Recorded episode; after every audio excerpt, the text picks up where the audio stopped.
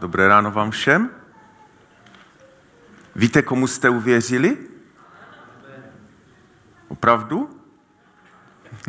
tak pojďme na úvod ještě povstat, poprosil a já se eh, chci přečíst slovo, eh, o kterém dneska chci hlavně mluvit a je kratoučké a samozřejmě se také chci modlit. Budu číst eh, dva krátké podobenství z Matouše ve 13. kapitole jsou zapsány od 44. verše. Království nebes je podobné pokladu skrytému v poli, které člověk nalezl a skryl a z radosti nad ním jde a prodává všechno, co má a kupuje ono pole. Království nebes je dále podobné člověku kupci, hledajícímu krásné perly. Když našel jednu drahocenou perlu, odešel a prodal vše, co měl a koupil ji. Pane Ježíši, já ti tak děkuji za, za tu vysadu, že zde mohu stát a že se můžu dělit s bratry a sestrami se slovem, které jsem věřil, že jsem ho přijal od tebe a tak tě prosím, pane, kež se nás to slovo může dotýkat, kež tě můžeme více poznat, kež tě můžeme více poznat takového, jakým opravdu jsi. Ve tvém svatém jménu Ježíš. Amen. Jak už jsem eh, říkal, dnešní téma je zadarmo a nejdražší. To je takové zvláštní, to slovní spojení. Jak se to říká? Synonyma, to jsou slova stejného významu a to jsou co? An, antonyma, že? Prostě slova na úplném eh, jakoby protikladna. Na jedné straně zadarmo, ještě jsem tam dodal ten obrázek, stoprocentně, úplně absolutně zadarmo, neboli úplně ta jedna strana té osy x, to minus nekonečno, a na druhé straně je nejdražší. To úplně nejdražší, co může být. Čili na opačném konci zase v nekonečnu. A je zvláštní, že, že Bible je často taková jakby protikladná, že, že v ní vidíme na jedné straně jednu věc a na druhé straně druhou.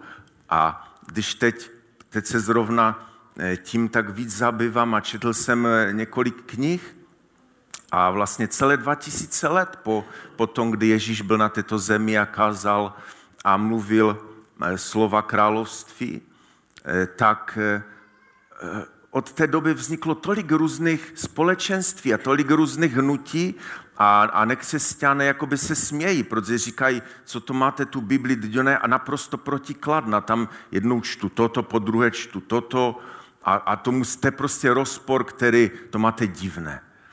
Ale díky Bohu za to, že On nám chtěl ukázat něco jiného, než, než my máme v našich myslích. To, jak, jakým způsobem jsme stvořeni, jakým způsobem přemýšlíme, že vlastně v té Biblii je takový, takové, Dan Drapal to v posledním článku říká, takové vnitřní pnutí, které nám umožňuje Eh, vidět věci, které jsou mimo naše chápání. A o jednom takovém zvláštním fenoménu, o zadarmo a nejdražší, chci dneska mluvit.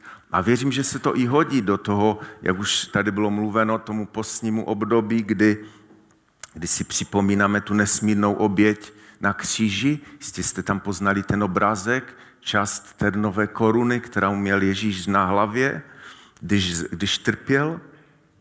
A eh, já bych chtěl něco o tom dneska se s váma, eh, o tom dneska více vám říct a o tom se sdílet.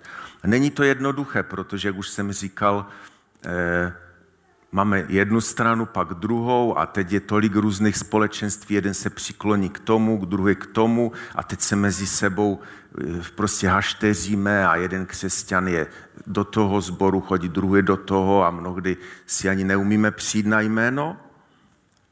A já bych chtěl dneska tak říct, prostě jak já to vnímám a jak to vnímám podle toho, že jsem to tak vyčetl v Biblii, ne podle toho, že já to vnímám, ale tak, jak jsem to přijmul a jakým způsobem já nad tím přemýšlím. A tak to dneska bude takové více zamyšlení a věřím, že, že i Pán vám dá milost eh, nad tím přemýšlet a pochopit jeho, jeho jak on, jak, jakým Bůh je vlastně. A Pojďme teď k první otázce. Eh, máte rádi věci zadarmo? Záleží. Eh, že totiž, když jsem se nějak připravoval, tak eh, jsem zjistil, že lidé nechtějí věci zadarmo. Že nechceme, nechceme, nemáme rádi věci zadarmo. A i vlastně vidíme tady krásnou budovu, to, která nebyla zadarmo. Když vyjdete ven, tak vozový park také ukazuje, že nemáme rádi věci zadarmo. Taky i já, jako už jsem opustil papír a už mám techniku. A, a je to tak, že?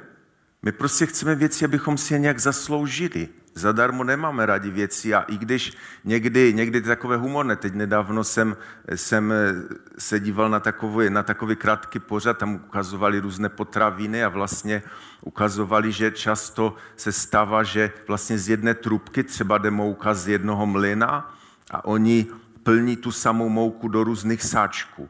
Na jedné straně je nějaký Lidl, jo, potom tam dají zase nějakou levnou Tesco značku, pak tam je nějaká babičina mouka, která je třikrát dražší a lidi přesto si koupí tu nejdražší, když to je vlastně z té stejné trubky, z toho stejného mlyna. A my nemáme rádi jakoby levné věci. A když už jsme donuceni jakoby levné věci kupovat, tak jsme naštvaní, že máme málo a, a chceme mít drahé věci a když už nemáme na to, tak pak se vymstíme u volbách, že, u voleb a volíme strany, které těm bohatším vemou a dají nám, abychom mohli mít také dražší věci. A že to je, je to tak, že? A že to vidíme, že ty strany mají úspěch, kteří nabízejí, že nám něco dají, že my chceme ty drahé věci. A drahé věci si, si vážíme více, že, že je to tak. A e, víte, ještě, ještě takovou, na úvod takovou kratičkou myšlenku, že ten, to téma, ke kterému, e, o které dneska chci mluvit, mě přivedl takový článek, který jsem nedávno četl. To byl článek profesora Cyrila Hešla, to je doktor známý takový psycholog, on, on publikuje různé články a, a a je známý a měl takový zajímavý článek na internetu a ten, ten článek se jmenoval Co je zdarma, z pravidla za víc nestojí. A on tam rozebíral, na úvod rozebíral takový fenomen, že když je nějaký koncert, který je sponzorovaný, tak to se pozná hned podle toho, že tam jsou prázdné židle. A abyste vůbec to zaplnili, tak musíte ještě těm lidem zaplatit, aby tam vůbec přišli. A a i teď vlastně, jak chtějí ty různé zdarma obědy dávat, tak se vlastně přemýšlel nad tím, že vlastně už to ty odpadky ani nebude kde dát, že ti lidé nechtějí věci zadarmo. Ale to, to nechci o tom mluvit, tam bylo zvláštní, jak on vlastně šel potom hlouběji do toho tématu a říká, že a vysvětloval vlastně to, že, že když my něco dáme druhému, tak ti druzí lidé nechtějí to přijmout. A, a jenom eh, to, to byl takový, takový, takový hluboký článek, takový zajímavý, jenom to zkráceně vám řeknu.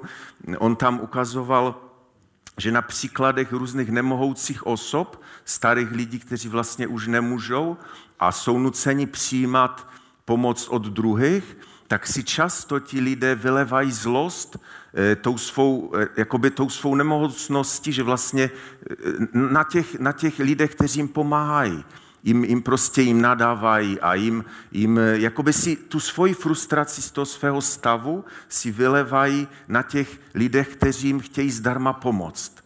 A a je víc příkladů, že často se stává, že, že je nějaká rodina a ten jeden se vzdá třeba svého dě, dědictví ve prospěch toho druhého a, a vlastně to způsobí, že, že to nakonec způsobí rozkol mezi nimi, že ten obdarovaný se cítí nějak zavázan tomu dárci a vlastně s ním přestane komunikovat, ještě, ještě nakonec se stane jakoby jeho nepřítelem. A, a to je zvláštní.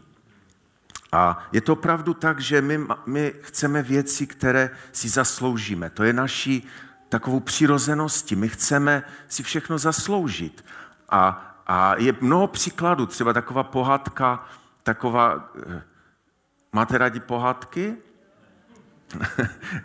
Bo už říká, že ne, ale to je, jakoby tam to mnohdy takovou tu lidskou, eh, lidskou určitou eh, to lidské rozpoložení to ukazuje.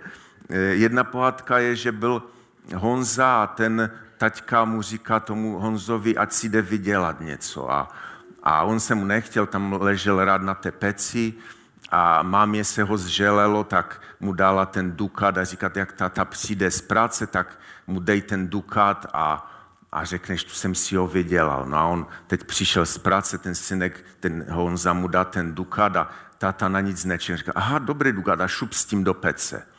A ten synek stojí a dívá se, co se robí. No to špatně, si, špatně zpracoval a, a jde si lehnout. A druhý den znova mama říká, ty, to je zvláštní, jako dám ti ten dukat, ale dívala se nejdřív, jestli se tata někde nedívá. A ještě ten syn jako udělal takovou hru, že chvíli šel, jako že jde do práce a e, zas to měl zdarma, zas to skončilo v, to, v té peci. A třetí den jako mama říká, ty už těch dukatů nemám tolik, musí žít jednak.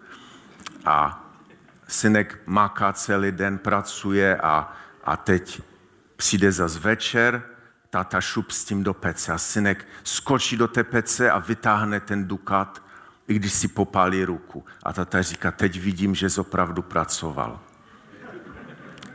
Rozumíte? To je, to, také, také to prostě je s náma. To je naše lidská přirozenost. A pokud, pokud byste chtěli nějaký důkaz, eh, důkaz eh, ne světské pohádky, ale vlastně biblicky, tak eh, jenom, jenom jeden z mála když se podíváte na, na lid izraelský, který vycházel z Egypta, znáte ten příběh, úžasný příběh, eh, kdy oni takovými různými těmi zázraky vyšli a teď, teď kráčeli do Kanánu, do té zaslíbené země a tam měli manu a, a každý den to sbírali, pak dokonce křepelky přiletěli a, a i maso měli a všechno měli zadarmo. A tam je zvláštní verš numer 11.5, kde je napsáno Vzpomínáme na ryby, které jsme jedli zadarmo v Egyptě. Na okurky, melouny, porek, cibulí a česnek. My vzpomínáme, jak jsme to tam zadarmo jedli. Rozumíte ten paradox?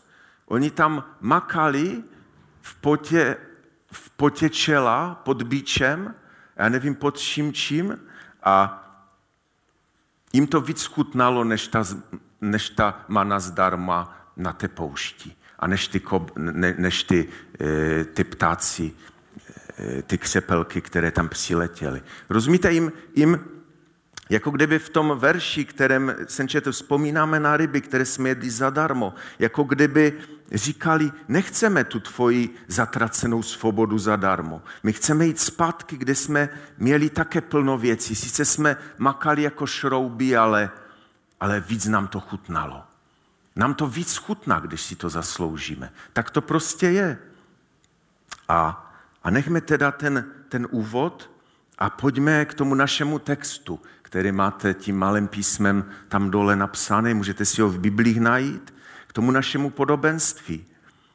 Království nebes je podobné pokladu skrytému v poli, které člověk nalezl a skryl a z radosti nad ním jde a prodává všechno, co má a kupuje ono pole.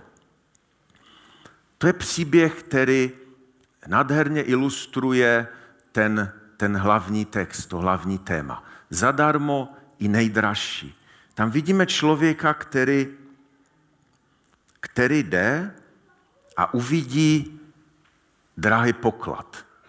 Najde ho. Prostě tam po tom poli určitě šlo stovky lidí, možná tisíce, nikdo si toho nevšimnul. On prostě nijak si toho nezasloužil a uvidí drahý poklad, který tam někde prostě je v tom poli schovaný. Tam to najednou, já nevím, jestli zakopl nebo co, najednou tam uviděl poklad. A co on udělal?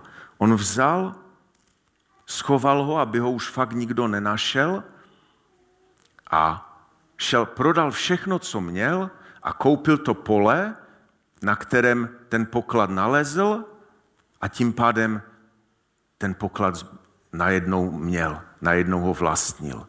Teď nevím, jak to je u nás. U nás asi by to propadlo státu, ale v té době to prostě tak bylo, že kdo měl tento pole, tak jemu patřilo to, co tam na tom poli bylo. Rozumíte, je tam oba dva, ty, oba dva ty aspekty, tam čteme v tom prvním podobenství. Je tam jak ten aspekt, že to nalezl zdarma, nic si tím nezasloužil, prostě najednou to objevil a je tam i ten druhý aspekt, aby to, aby to mohl získat, to, co našel zdarma, tak musel jít a prodat všechno, co měl a koupit to pole. To druhé podobenství je, je podobné, ale jde trošičku jiným směrem. Je tam psáno o, o člověku, který, který hledá krásné perly a zase najde ji a prodá vše, co má a koupí, protože pochopil tu hodnotu té perly. A, a jistě to znáte, to podobenství. Minimálně na dětské besídce jste to probírali 20krát, že jo? Že je to tak? Když vlastně děti už máme na besídce, tak mi neodpoví, ale určitě ten příběh znáte. A, a co si představujete pod tím, pod tím e, příběhem? Že, asi, že to je Ježíš, že my nalezli jsme Ježíše a proto jsme ochotní obětovat vše pro něj. Ale tam je napsáno, království nebes je podobné pokladu skrytému v poli. Království nebes. Víte, to není jenom Ježíš. To není jenom jakoby ten dar, který Ježíš pro nás vykonal. My hledáme, království nebes je podobné tomu pokladu. A my máme často jako abych vám lépe nějak to přiblížil, tu moji myšlenku, my máme často zkreslené představy, co to je království nebes. A i vlastně teď eh, jsme měli takovou debatu, že se více zajímáme, a teď bude pastorálka tento týden o eschatologii, a jsou určité proudy, které nemají rády spojení království nebes. Že to je něco, co bude až pak v nebesích a odsouvají to jakoby na okraj, protože pokud, by, pokud bychom připustili, že už, už není na této zemi, můžeme zažívat nějakou, nějakou, nějakou jakoby obraz nebo nějakou, nějakou předchuť království nebes, tak jim to začne prostě haprovat v tom jejich systému. Najednou jim ten systém se roz, rozpadne a už nemůžou hlásat tu eschatologii, kterou by chtěli hlásat a proto raději řeknou, království nebes to nechme až tam. Ale já si myslím, že to je obrovský problém dnešní doby, že vyleváme vlastně s tím, s tím hlavním, co to slovo znamená, vlastně celou vaničku i komplet. A obíráme se o to, co to znamená to království nebes, které, které můžeme najít, které je podobné tomu pokladu. Víte, že už nyní na zemi můžeme zažívat něco, co pán pro nás připravil a co až budeme samozřejmě v plnosti prožívat v nebeském království. Ať to bude, jak to bude, ale tam to zažijeme v plnosti. Ale už není, už není můžeme zažívat jak v našich životech, tak v našich manželstvích, tak eh, prostě v našich domovech můžeme zažívat určité principy, které, které toto království nebes znamená. Pojďme dál. Ten příběh, nebo to podobenství, které už jste mnohokrát určitě četli, je, mám pocit, zapsáno jenom, jenom u Matouše. A, a e, z mého pohledu, jak jsem se připravoval, jakoby to navazuje, nebo na základě toho podobenství navazuje slovo, které jistě také znáte, a to je o tom mladenci, který, který se ptal, je to napsáno v Matouši, a myslím u Marka, to je taky napsáno v Matouši v 19. kapitole od 16. verše, je takový zvláštní příběh.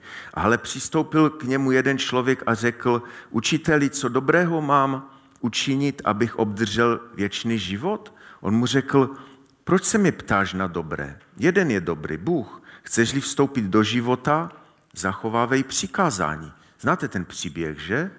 Jak mluvil s Ježíšem, ten mladenec. Není napsaný, jak se jmenoval, ale prostě mladenec. A ten mladenec se ptá Ježíše, která? A Ježíš odpovídá, nezavraždíš, nescizoložíš, neukradneš, nevydaš křivé svědectví, ctí otce a matku, budeš milovat svého blížního jako sebe. A mladík mu odpovídá, to všechno zachovávám od svého mládí. Co mi ještě schází? A Ježíš mu říká, chceš-li být dokonalý, jdi, prodej svůj majetek a dej chudým a budeš mít poklad v nebesích, pak přijď a nasleduj mne. Když mladík uslyšel tato slova, odešel zarmoucen a měl mnoho majetku, neboť měl mnoho majetku. A Ježíš řekl svým učedníkům, amen, pravím vám, že bohatý do království nebes vejde těžko. Takový zvláštní, zvláštní příběh, kdy se nám jakoby zdá, že, že ten člověk, nebo, nebo ne ten člověk, ale že se nám často zdá, že abychom mohli pána nasledovat, tak potřebujeme prodat všechno, co máme. Že potřebujeme prodat dům a auto a všechny peníze, prostě to speněžit a rozdat chudým. Ale tam já si myslím, že Ježíš mu říká úplně něco jiného. Důležité z toho pro nás je, že, že ten příběh prostě končí smutně a, a ten, ten mladenec prostě šel za něčím. On se snažil snažil, ně, snažil se dělat, snažil se chodit za Bohem, snažil e, všechny ty přikázání plnit. On si to snažil se nějak zasloužit, ale jako by kdyby mu najednou Ježíš říká, teď dívej se, to si nejde zasloužit. Já ti chci dát něco zdarma. A, ale to zdarma je, má tak obrovskou hodnotu, že on vlastně ten, ten ten mládenec uviděl, že ta hodnota toho je tak nesmírná, a, ne, nebo teda on, on tu hodnotu neviděl, že je tak nesmírná, pro něho bylo to, co vlastně má, tak pro něho bylo hodnotnější než ten, než ten dar zdarma, který, který pro něho pan vydobil. Teď jsem se to trošku tak e, zesložitil možná, že jakoby v tom vidím, že že pro toho mladence bylo to vlastně to, co měl, to, v čem žil, bylo pro něho hodnotnější, než, než to, co po něm Ježíš chtěl. A potom ten příběh pokračuje a, a známe to, jak tam se mluví o, to, o, tom, uch, o tom uchu jehly, že Ježíš říká, opět vám pravím, je snadnější, aby velbloud prošel uchem jehly, než aby bohatý vešel do božího království. A ti učedníci, když to slyšeli, tak byli velice ohromení a říkali, kdo tedy může být zachráněn. Ježíš na ně pohleděl a řekl jim, u lidí je to nemožné, ale u Boha je, to, je možné všechno. A jistě chápete, o čem, o čem jakoby mluvím, o, o té nesmírné oběti Pana Ježíše na kříži. A eh, ještě to budeme si připomínat a budeme, budeme mluvit o těchto věcech hodně. I vlastně čekají nás Velikonoce a to si všechno budeme připomínat, ale jenom zkráceně pár, dva taková místa v Biblii, která vlastně ukazují o tom, že o, o tom teď, co jsem četl, že Ježíš říká, že je snadnější, aby velbloud prošel uchem jehly, než aby bohatý vešel do božího království. Ať to ucho jehly je cokoliv, ať to je ta brána, která se říká, že to je možná v Jeruzalémě, nebo ať to je, nebo ať to je hyperbola, že to Ježíš prostě tak udělal vlastně, že to je nemožné, tak mi se líbí žalm 118, kde, kde se píše od 19. verše, otevřete mi brány spravedlnosti, vejdu jimi a budu vzdávat chválu hospodinu. Já věřím, že to je ta brána, kterou, kterou jakoby, o které Ježíš říká, o té, které my potřebujeme projít abychom vešli do království. Tato, toto je brána pro hospodina, touto branou scházejí spravedliví. Tobě vzdávám chválu, že jsi mi odpověděl a stal se z mý spásou. Kámen, který zavrhli stavitele, se stal hlavou úhlu. Bylo to od hospodina. V našich očích je to podivuhodné. Tento den učinil hospodin. Jasejme a radujme se v něm. Tam čteme o kameni, který zavrhli stavitele, který se stal hlavou úhlu. Ten kámen, který byl v opovržení, tak ti stavitele, ten zdarma, ten, který ležel na zemi, ti stavitele vzali a zasadili ho do toho oblouku nahoru, aby vlastně celá ta brána mohla držet pohromadě. A to je ta brána, to je to ucho jehly, věřím, kterým, kterým bohatý neprojde. Ale bohatý v tom smyslu, že, že si ceníme toho svého bohatství nebo toho, co máme více, než toho, co pro nás Ježíš vykonal. To, že si vlastně ceníme více, to, více než toho zdarma kamene, který je tou hlavou úhlu. Nebo jak píše na druhém místě prorok Izajáš 700 let nějakých před narozením Ježíše v 53. kapitole, kdo by jen uvěřil zprávě, kterou jsme slyšeli? A přikom se zjevila hospodinova paže? Vyrostl před ním jako vyhonek a jako kořen z vyprahlé země. Neměl vzezření ani důstojnost, abychom na něho hleděli s úctou, ani vzhled, abychom po něm netoužili. Opovržený a lidmi zavržený, muž bolestí, který znal nemoci, jako někdo, před ním člověk skryje tvář. Všemi opovrženy, takže jsme si ho nevážili. Jenže to byly naše nemoci, které snášel a naše bolesti, které nesl a my jsme o něm mysleli a my jsme si o něm mysleli, že je zasažen a ubít Bohem a skrušen. Ale on byl propoden za naše přestoupení, zdeptan za naše provinění a na něho dolehla kázeň pro náš pokoj a jeho šrámy jsme uzdraveni.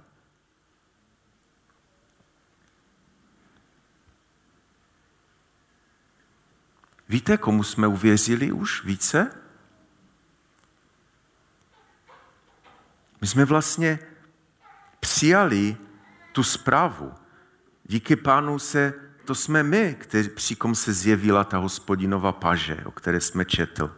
A díky Bohu, že jsme mohli uvěřit, že, že přišel někdo, který ten proutek, ten vyhonek, který byl opovržený a lidmi zavržený a a nikdo ho nechtěl. Díky panu, že jsme, že jsme mohli přijmout tu oběť. Ale je otázka, jestli jsme ji opravdu přijali. A na to si počkejme ještě na závěr dnešního kázání. Že budete překvapeni možná. Já jsem musel dneska ráno celé to kázání přepracovat. Ne celé, ale hlavně ten závěr. Že jsem si uvědomil tu úžasnou milost, kterou máme u pána. A když už tak říkám ty různé příběhy o tom, že si nevážíme věci zdarma, tak bych vám chtěl teď říct, že jsou i lidé, kteří si těchto věcí váží. Teď nemluvím o nás, protože o nás budeme mluvit až na závěr, ale je jeden člověk, který si opravdu vážil věci zadarmo a to byl Job. Určitě to znáte také, nebudu to celé vyprávět. A je to, je to zvláštní příběh. Když já to čtu, tak, tak mám tendenci prostě to brát jako bajku. Že to je první poetická kniha v Biblii a, a je to taková zvláštní kniha, kde, kde tam v těch rozhovorech mezi těmi, mezi těmi lidmi, kteří se bavili s tím, s tím Jobem, když on trpěl, tak, tam zaznívají věci o stvoření světa. Vlastně biblisté by vám řekli, že to je kniha Job je vlastně druhá hlavní kniha, kde se můžeme vůbec dozvědět o stvoření světa, o, o tom, jak je vesmír a jak to Bůh všechno naplánoval. Tak máme takovou, aspoň u mě to je, že si říkáme, to je nějaká prostě nějaký obraz, nějaké, nějaké podobenství, které nám ukazuje určitou dokonalost, ale není to tak, protože třeba Jakub Jakub, bratr Ježíše, říká 5.11, eh, blahoslavíme ty, kteří vytrvali, slyšeli jste o vytrvalosti Jobově a víte, k čemu ho pan nakonec přivedl. Čili to byla reálná osoba. Nebo Ezechiel o tom eh, ho zmiňuje na dvou místech a říká, tam se říká o Noem, o Danieli a Jobovi.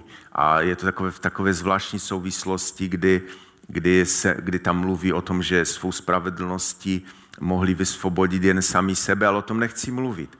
Ale o čem, o čem jakoby dneska chci mluvit a co mi souzní s tím tématem, je, je ta otázka, kterou dal Satan Bohu, když, víte, jak to tam na začátku, když to byl muž bohatý a měl toho všechno a, a měl ty dcery a syny a bohatství a a teď tam je taková, takový zvláštní obraz v nebi nebo, ne, nebo prostě v té věčnosti, kdy, kdy Bůh sedí na trůnu a teď ti jednotliví anděle tam přicházejí a přichází i Satan a, a říká mu, a Bůh se ho ptá, odkud jdeš? A on říká, toulal jsem se po zemi, sem a tam, mu odpovídá ten Satan.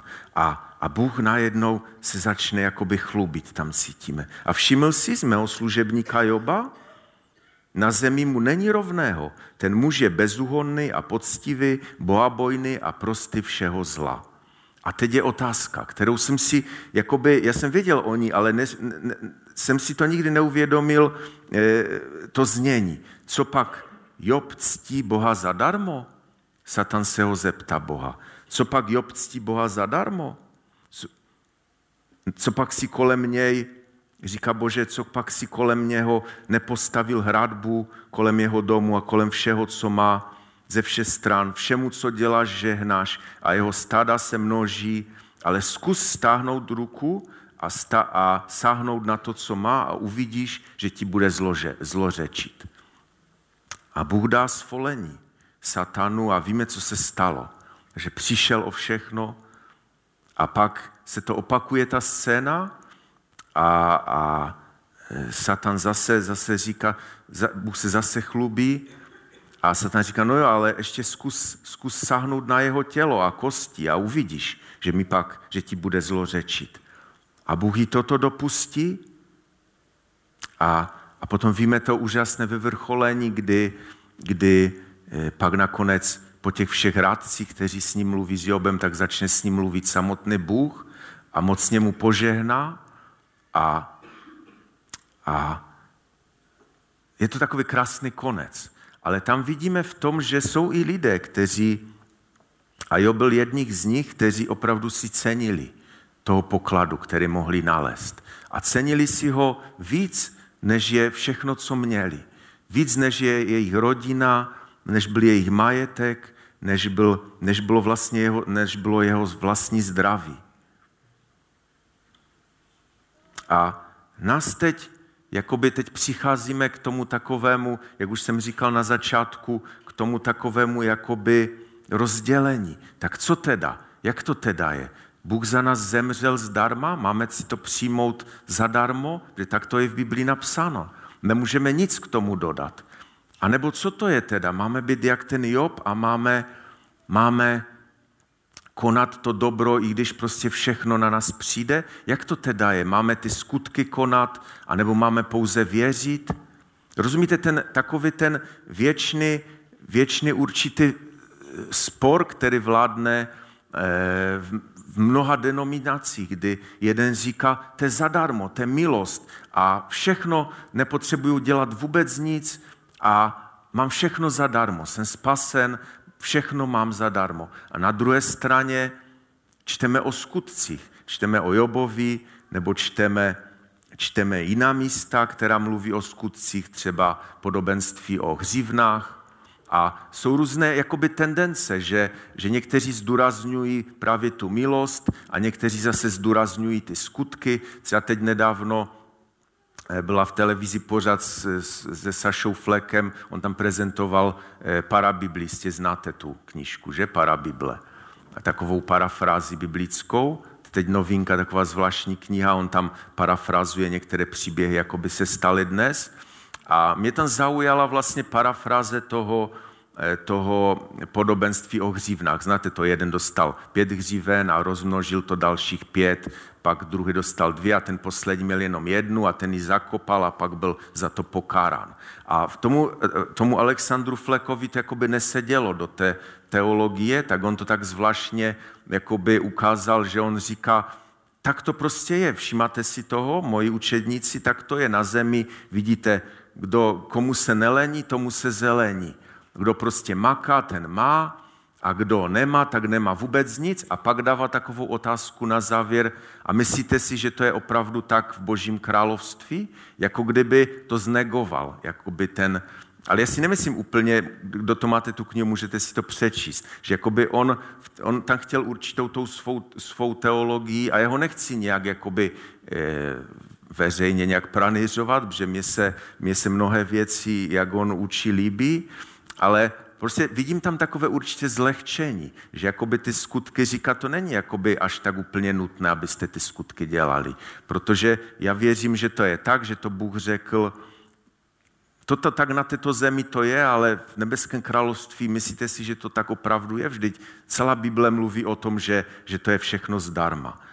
Ale myslím si, že úplně nemá pravdu, protože na jedné straně v Galackém čteme, Pavel říká, všichni, kdo spolehají na skutky zákona, jsou ale pod prokletím, nebo každý, ne, neboť je psáno proklet bud každý, kdo neplní a ne, nedodržuje vše, co je zapsáno v knize zákona. Že zákon před Bohem nikoho neospravedlní, je zřejmé z toho, že spravedlivý bude žít z víry. V zákoně ovšem nejde o víru, ale o skutky. Ten, kdo je plní, v nich bude žít.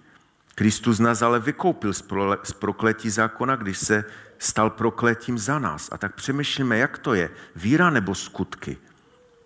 Zadarmo nebo nejdražší? Jakub to tak dobře zhrnuje, 2.14. Říká, k čemu to je, bratři moji, když někdo tvrdí, že má víru, ale neprojevuje se to skutky? Co pak ho taková víra zachrání? Právě tak víra bez skutků, víra sama o sobě je mrtvá. Někdo mi řekne, jeden má víru, druhý zase skutky. Nuže, ukaž mi svou víru bez skutků a já ti ukážu svou víru na svých skutcích.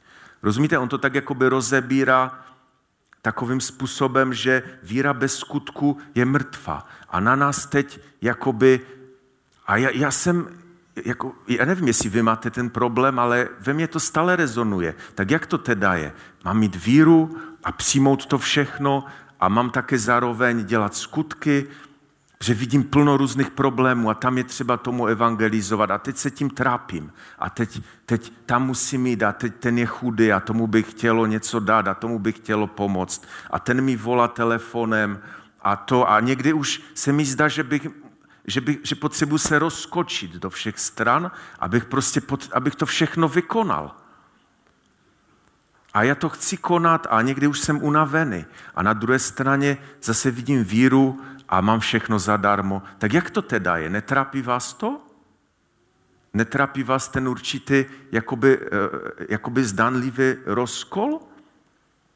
Víte, je takový zvláštní verš, který, který mi jakoby pomůže, věřím a věřím, že mi pochopíte, co chci říct, který mi pomůže vyústit dneska v tom kázání do závěru. A to je takový zvláštní verš v Efeským 2.10, kde je napsáno, vždyť jsme jeho dílo, stvoření v Kristu Ježíši k dobrým skutkům, které Bůh předem připravil, abychom v nich žili. Amen? Vždyť my jsme jeho dílo stvoření v Kristu Ježíši k dobrým skutkům, které Bůh předem připravil, abychom v nich žili. Bůh to předem připravil. On předem věděl, předem znal ty skutky, které, které budeme činit a zase bychom mohli teď složitě mluvit kalvinismus, arminianismus, open theology a různé, různé tyto pojmy, jak to kdo chápe, ale Pojďme ještě zpátky do toho Joba a, a tam vám ukážu, co, jakoby, eh, co, co, co vám chci říct. Víte, tam ta otázka, jak jsem říkal, jak ten, ten Satan se ptá, co pak Job ctí Boha zadarmo. On jakoby, ta otázka eh, ďáblová, satanová, nasleduje tomu božímu jakému si chlubení. On říká, Bůh říká, na zemi mu není rovného, ten muž je bezúhonný, poctivý, boabojný a prosty všeho zla. On jakoby žije, on tam, jakoby, Bůh tam říká, on tam popisuje život. On popisuje život toho Joba. A Satan se ho najednou zeptá, co pak Job ctí Boha zadarmo? Jakoby najednou vidíme ten, ten kořen, že jakoby se mluví o životu, toho Joba, že on prostě dělá toto, dělá, dělá toto, dělá dobře, dobře žije, má manželku a tak dále, všechno funguje a, a přitom to je jakoby ctění Boha. Že to je jakoby, to všechno, co on dělá, je jakoby způsobeno tím, že on, jakoby, že to nedělá něco, něco jakoby navíc, co, co, co ho jakoby trápí, v čem se jakoby namáhá, ale to je prostě jeho život. On tím, jako, tím svým životem chce ctít Boha. To je jakoby něco automatického. Víte, jakoby, jakoby eh, opravdu ten Job to vypadá, že, že ctí Boha zadarmo, protože ten Satan dal tu otázku a vlastně eh, celý ten příběh se vyvinul, že se teda ukázalo, že opravdu ctí Boha zadarmo. A, a to se vlastně odraželo na jeho, na jeho životě, že jakoby, eh, jakoby on nedělal nic jakoby navíc speciálního, ale to, to, to, to je ten jeho život, ten vlastně, to, co nalezl, eh, ten poklad, který nalezl, se prostě odrazil v jeho životě. A jak je psáno, zadarmo jste dostali, zadarmo dejte. On zadarmo dostal, tak to, tak to bral i vlastně on to i vyznal tam na několika místech podobným vyznáním. Zadarmo dejte, říká Ježíš. A a to nám sice evokuje, jakoby, že jsme dostali, že máme něco dávat, ale já vám, já vám jakoby to chci ukázat, že eh, jak to teda chápu, ono to je složité, ale, ale my někdy, jak už jsem říkal, přemýšlíme, co teda máme dělat, do čeho máme vstoupit, máme tomu pomoct a teď už nám ani, já nevím, peněženka by nestačila a, a teď se trápíme, že máme evangelizovat a teď možná bychom měli jet někde tam a tam evangelizovat.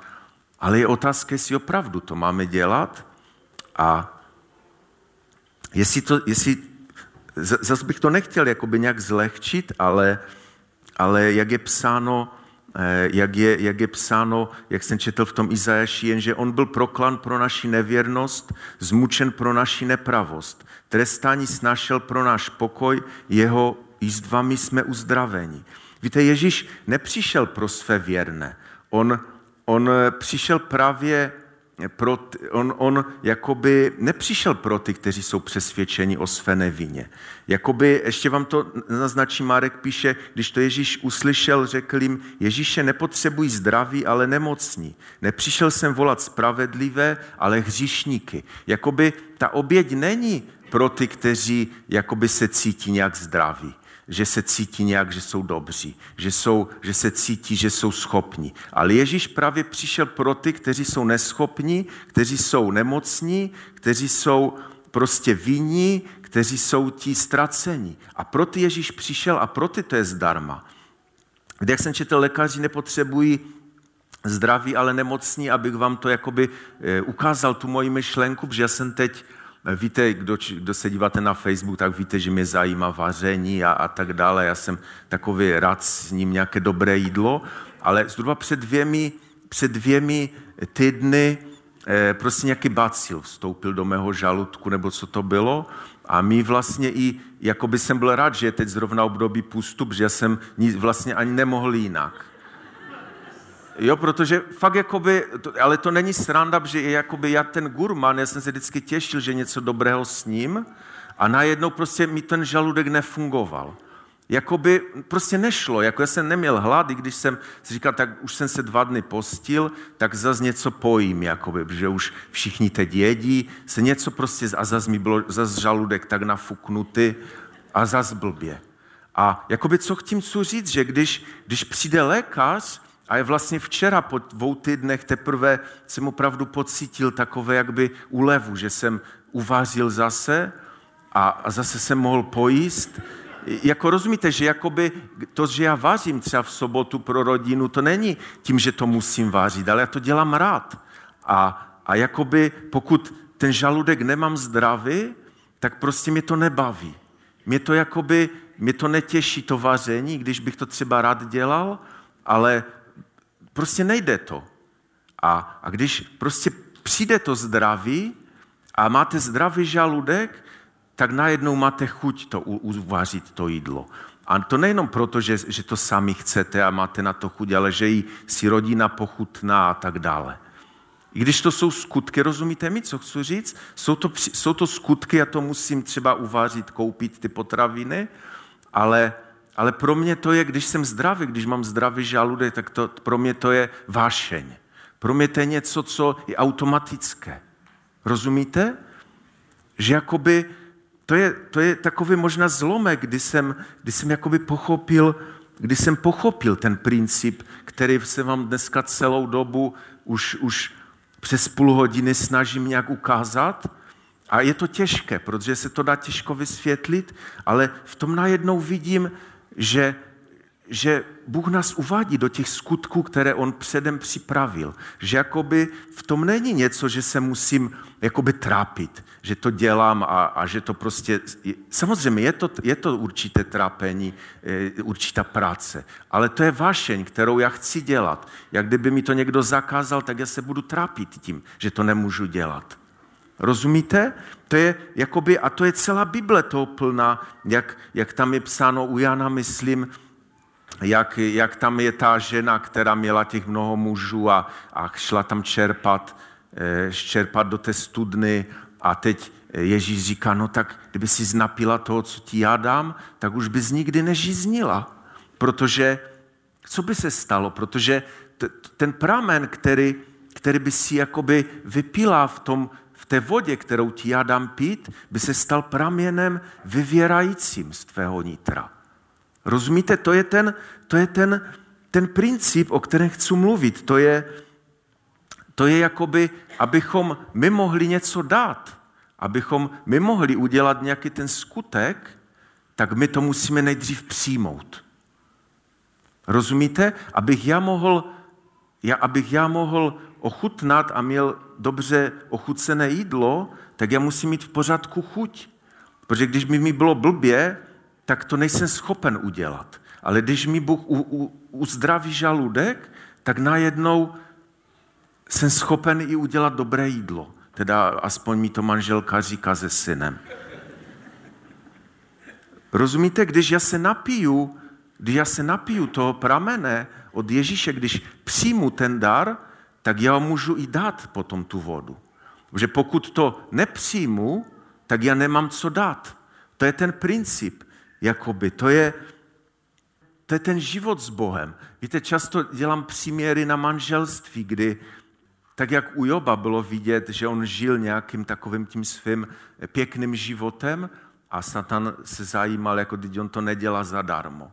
Víte, tak přemýšlím, že Bůh se dívá i na ten náš život, jak to je. Na ty naše manželství, jestli žijeme pěkně, jestli my, my často přemýšlíme o těch vzletných, ještě potřebuju tam evangelizovat a ještě tam. A ještě potřebuju přečíst si pětkrát dneska, eh, já nevím, toto slovo, Bibli potřebuji, že, že jsem bych měl víc číst. Samozřejmě číst je dobré, ale mnohdy zanedbáváme těmi vzletnými věcmi, zanedbáváme ty věci, do kterých nás Bůh povolal. Víte, někdo, eh, často mi lidé říkají, já bych potřeboval evangelizovat. Já se tak cítím špatně, když, když eh, já neumím tak evangelizovat. Já neumím. A nepochopte mi špatně, co, co jakoby chci říct, ale já věřím, že na, evangeli, na velké evangelizace jsou povoláni evangelisté. Ale zamysli se dneska nad tím, co je pro tebe, co Bůh pro tebe stvořil, v čem máš ty být, v čem prostě ty máš fungovat.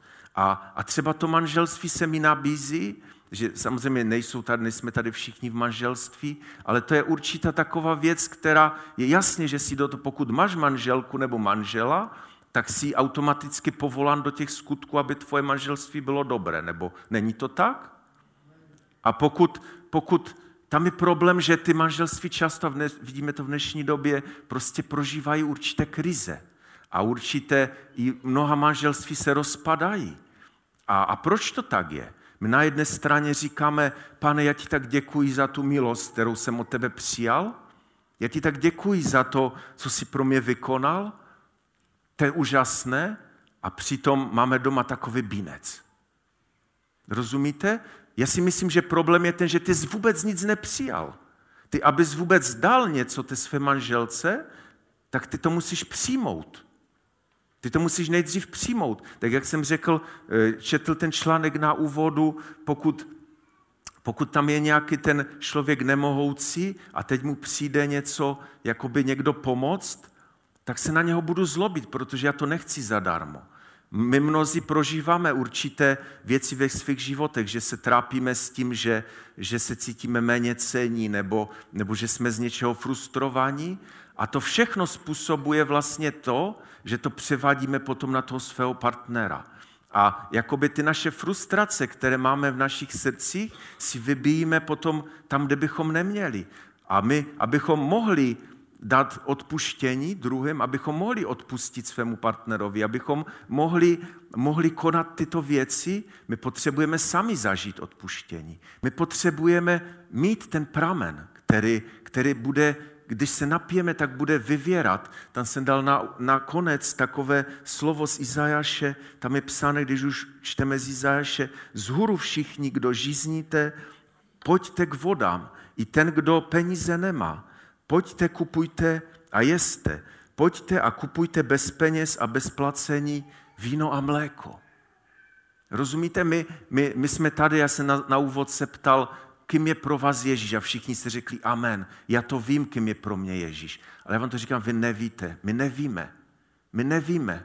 Protože pokud nefungujeme a nežijeme tak, jak ten Job, že, nám, že se Bůh s náma může pochlubit, my nevíme lauter nic o Bohu, jaký on je. Že to je ten, který prostě přišel a, a dal všechno, co můžeme mít. My můžeme už nyní zažívat určitou předchuť toho nebeského království. Můžeme zažívat úžasný pokoj v našich manželstvích. Ale jenom kdy? Jenom tehdy, pokud přijmeme to, co pro nás Ježíš vykonal. A ten dar je opravdu zdarma. Ten je naprosto zdarma, tak jak jsem tam ukázal, stoprocentně gratis. Není třeba absolutně nic dodat. Ten jeho dar prostě my potřebujeme přijmout. To je ta, to víno a mléko.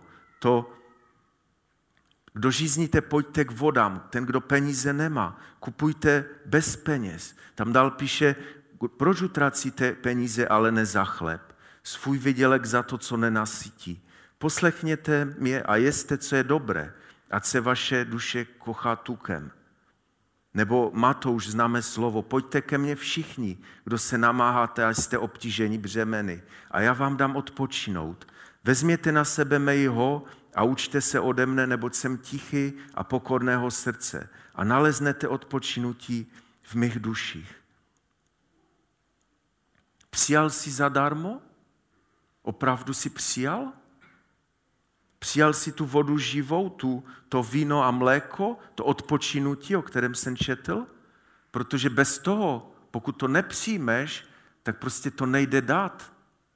My se můžeme snažit a můžeme, můžeme vyhořet, jak se to říká, ten, takový ten syndrom, kdy, kdy se mnozí prostě tak snaží dělat ty skutky, až nakonec vyhoří. A to jsou těžké věci, kdy ti lidé potom skončí na lecích a, a, a, a těžko se z toho dostávají. Rozumíte, co chci říct? Ten jakoby přijmout. A já bych teď chtěl na závěr, abychom, eh, abychom jakoby povstali všichni. A já bych se chtěl modlit. A, a jestli eh, chcete se modlit, tak se přidejte ke mně, protože dnešní modlitba není. Já chci, abychom pochopili ten princip, že pokud přijmeme ten dar, který je zdarma, pokud přijmeme tu vodu živou, tu, to víno a to mléko, které je zdarma od, od našeho pána, které působí zdraví našemu žaludku, přenesenému významu zdraví do našich různých těch problémů, které máme, které prožíváme, které ty frustrace. Pokud přijmeme od Boha ten jeho zdarma dar, tak teprve tehdy budeme schopni eh, dávat druhým. A možná, možná, že tady je na tomto místě někdo, kdo ještě vůbec nepřijal Pana Ježíše, kdo to slyšel poprvé ty věci, tak i ty se můžeš modlit. Ale já bych chtěl dneska, abychom pochopili, že, že cesta za pánem to není, že já prostě přijdu a řeknu, pane, já tě přijímám. Ale my potřebujeme na každý den Pana Ježíše. My potřebujeme na každý den eh, přijímat to jeho eh, vykoupení, to jeho odpuštění. Pane Ježíši, já ti tak chci poděkovat a tak věřím, že ti všichni děkujeme za ten nesmírný dar, který jsi pro nás vykonal, pane, na kříži, který jsi na tom kříži vlastně na sebe vzal, jak jsme četli u Izajaše, ty naše nemoci, ty naše bolesti, ty naše trápení, pane. A to vše si vykonal pro nás zadarmo. Tak tě prosím, pane, abychom opravdu dneska mohli eh, zažít tu milost a, a zažít to přijetí toho, protože my bychom to chtěli, pane, přijmout. Chceme, pane, v plnosti přijmout ten dar, který je tím nejdražším. Pane, který lze ve vesmíru nalézt. Tím nejdražším, co vůbec existuje, pane. A přitom to je pro nás zadarmo. Ale tak si uvědomujeme, že, že bez, bez toho, aniž bychom to přijali, tak nemůžeme, nemůžeme nic dát druhému, pane. To prostě nejde. Jinak se budeme trápit v těch skutcích a, a budeme vlastně pod prokletím, jak jsme četli v tom slovu v Galackém.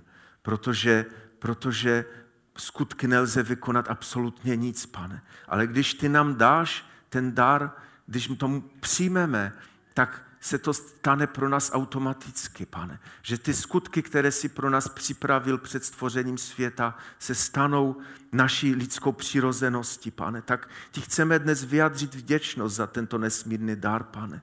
A chceme ti dát vše, co máme, pane. Chceme opravdu pochopit. Chceme, děkujeme ti za tu vodu, pane, kterou si nám dal. Za ty, za ty věci všechny, které máme od tebe a chceme, aby, aby si způsobil, aby se to stalo tím pramenem vyvěrajícím z našich níter, pane.